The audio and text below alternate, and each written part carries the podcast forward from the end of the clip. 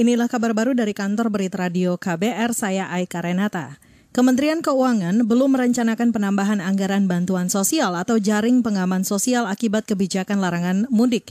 Staf khusus Menteri Keuangan Masyita Kristalin berdalih anggaran akan disesuaikan dengan kondisi pandemi di Indonesia. Sebelumnya pemerintah menganggarkan 110 triliun rupiah dari APBN 2020 untuk jaring pengaman sosial akibat pandemi COVID-19.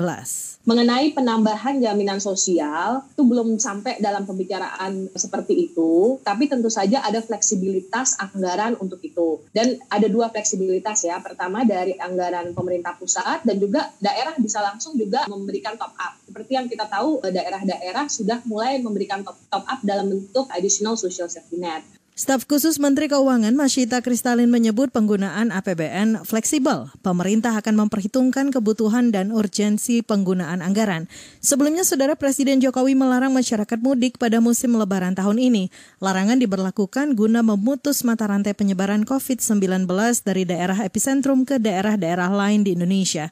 Jokowi juga meminta agar larangan mudik diimbangi dengan pemerataan pembagian sembako bagi keluarga yang membutuhkan. Kita beralih, Lembaga Bantuan Hukum APIK Jakarta menerima hampir 100 pengaduan kasus kekerasan terhadap perempuan selama pandemi COVID-19.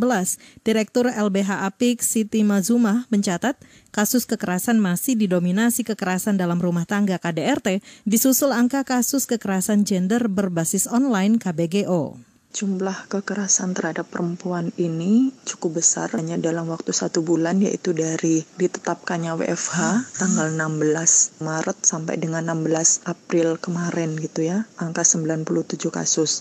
Itu data tertinggi itu KDRT ini memang selalu tinggi dari tahun ke tahun dari laporan tahunan LBH Jakarta. Kemudian angka yang kedua itu kekerasan berbasis gender online Direktur LBH Apik Jakarta Siti Mazumah menambahkan selain rentan jadi korban kekerasan, perempuan juga rentan tertular virus karena berkewajiban memenuhi kebutuhan pangan keluarga.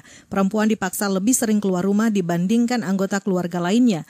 LBH Apik menilai kebijakan pembatasan sosial berskala besar PSBB juga membuat beban domestik perempuan semakin besar. Kita beralih, saudara pemerintah mengklaim saat ini sudah mengerahkan 37 laboratorium di Indonesia untuk pemeriksaan spesimen terkait COVID-19. Juru bicara pemerintah untuk penanganan COVID-19 Ahmad Yuryanto mengaku beberapa laboratorium terpaksa menghentikan aktivitasnya karena tidak ada persediaan regen. Jumlah laboratorium yang beroperasi ada 37.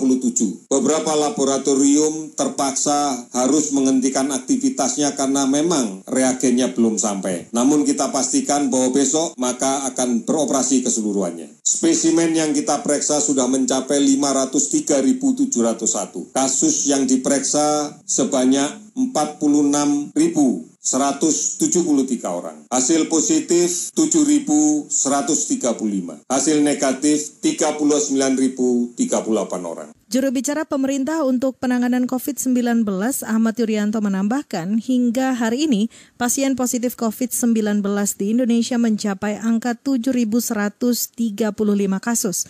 Tambahan kasus terbanyak ada di Jakarta.